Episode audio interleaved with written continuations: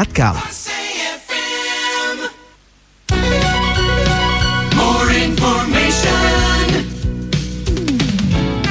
Nikmati lagu juara di 102,3 Rasa FM Keep Bandung Beautiful Eh, Assalamualaikum warahmatullahi wabarakatuh Pendengar Rasa, selamat pagi Kembali lagi bersama saya Iqbal Mardiana Dan sekarang saya sedang ada di Santosa Bandung Kopo Tentunya tidak sendiri pula pendengar Rasa Sekarang saya sedang ada bersama Dr. Temi Selaku Direktur dari Santosa Bandung Kopo Dan juga Dr. Farid Selaku Ketua Pelaksana dari kegiatan yang sedang berjalan di Santosa Bandung Kopo Nah acaranya apa? Kita tanya langsung aja ke Dr. Farid ya. Halo, selamat pagi Dr. Farid. Selamat pagi pendengar AC. Nah, Dr. Farid, kan di sini acaranya itu mengatasi nyeri lanjutan pasca melewati serangan stroke.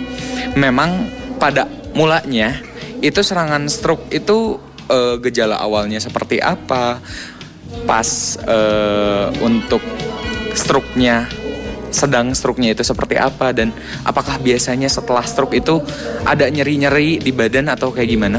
Dokter Farid. Ya, baik stroke itu dibagi dua, ada yang pecah pembuluh darah, ada yang penyumbatan pembuluh darah. Jadi pembuluh darahnya tersumbat gitu ya. Nah, gejalanya mirip-mirip dua-duanya yaitu tiba-tiba pasiennya tidak sadar, terus kemudian ada kelumpuhan anggota gerak ya, terus pasiennya kadang-kadang kejang. Itu gejala-gejala yang paling sering terjadi pada pasien stroke, baik itu pendarahan atau penyumbatan. Nah, itu terjadi tiba-tiba.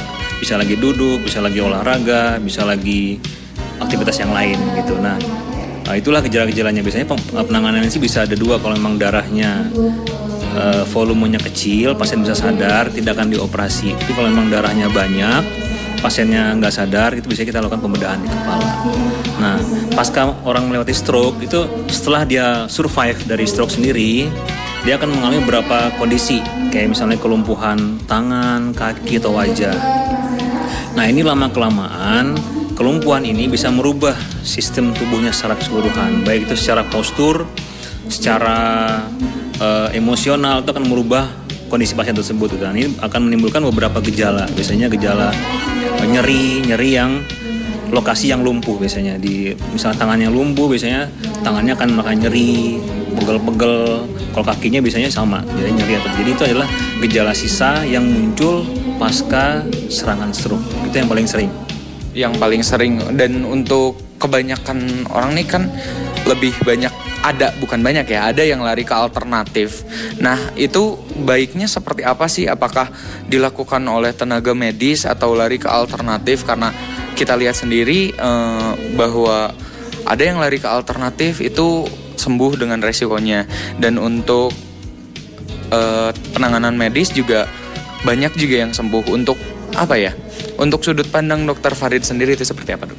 Kalau alternatif saya belum bisa berbuat banyak ya karena saya nggak menguasain. Tapi yang kalau untuk medis keunggulan adalah kita ada progres. Jadi pasca serangan stroke begitu dia survive kita akan evaluasi semuanya. Apakah yang kelumpuhannya berat atau kelumpuhannya ringan itu kita evaluasi ada derajatnya. Baik itu sebulan pasca serangan sampai tiga bulan pasca serangan itu semuanya ada eh, tolak ukurnya. Baik itu kita komputer ulang, kita ronsen ulang, ataupun kita cek darah ulang, jangan sampai nanti dia mulai serangan yang kedua kali. Gitu. Jadi kita keunggulan di medis adalah kita punya tolak ukur yang jelas gitu. Punya catatan medis. Betul, ada catatan medis yang jelas, perkembangannya gimana, apakah ini mengalami kemunduran, apakah mengalami kemajuan, itu keunggulannya kalau di medis seperti itu. Dan eh, untuk dokter Temi nih, kasihan dianggurin. dokter Temi, untuk dokter Temi sendiri eh, dari dok yang dokter Temi lihat ya, kebanyakan orang yang eh, terkena stroke itu kan gimana ya? Dia lebih milih untuk tidak berbuat apa pun daripada melakukan penanganan medis ke dokter. Menurut dokter Temi itu kayak gimana dok? Ya, jadi sebetulnya tadi dikatakan banyak orang yang eh, tidak melakukan eh, terapi lanjutan dan sebagainya. Itu kalau saya memandang itu sebagai akibat dari ketidaktahuan eh, pasien atau ketidaktahuan keluarga, ya. Nah, karena itu kewajiban kami lah sebetulnya memberitahukan kepada eh, masyarakat bahwa eh, kita ada upaya untuk bisa memberikan eh, perubahan eh, setidaknya meminimalisasikan penderitaan dari eh, pasien-pasien pasca serangan stroke ya. Jadi eh, yang kami lakukan rumah sakit adalah ini ada kegiatan rutin ya, kegiatan rutin 2-3 bulanan kami memberikan edukasi pada masyarakat yang salah satu tujuannya adalah seperti demikian. Karena eh, kita jangan jangan apa ya? eh, orang kalau sudah mengalami stroke itu jangan pasrah begitu saja ya. Eh, ternyata ada upaya-upaya yang bisa me- mengurangi penderitaan kita yang tujuan akhirnya apa? Tujuan akhirnya adalah sebenarnya meningkatkan kualitas hidup dari penderita pasca stroke tersebut. Karena dunia kedokteran sudah sekarang sudah sangat berkembang ya. Nah, karena itu kita eh, ya kewajiban rumah sakit lah untuk memberikan informasi tersebut dan inilah yang kami lakukan eh, upaya yang dilakukan oleh Rumah Sakit Santosa untuk mengedukasi masyarakat caranya seperti ini. Karena semua yang hadir ini adalah eh, masyarakat awam. Iya. Ya, jadi eh, memang ini khusus untuk edukasi masyarakat awam seperti itu. Dan untuk Dokter Farid sendiri nih, eh, apa harapan dari Dokter Farid setelah adanya seminar awam ini? Itu apa untuk masyarakat umum? Harapannya adalah deteksi dini. Deteksi dini. Iya, itu yang paling penting. Kalau bisa kedeteksi dari awal, jangan sampai serangan stroke.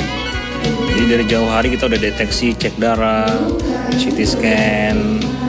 Nah, kita harus deteksi dini, itu yang paling penting. Kalau memang deteksi dini udah kele- udah kelewat misalnya ya, kalau udah serangan, stroke adalah bukan akhir dari segala-galanya gitu loh. Kalau dia bisa bisa ada orang yang survive.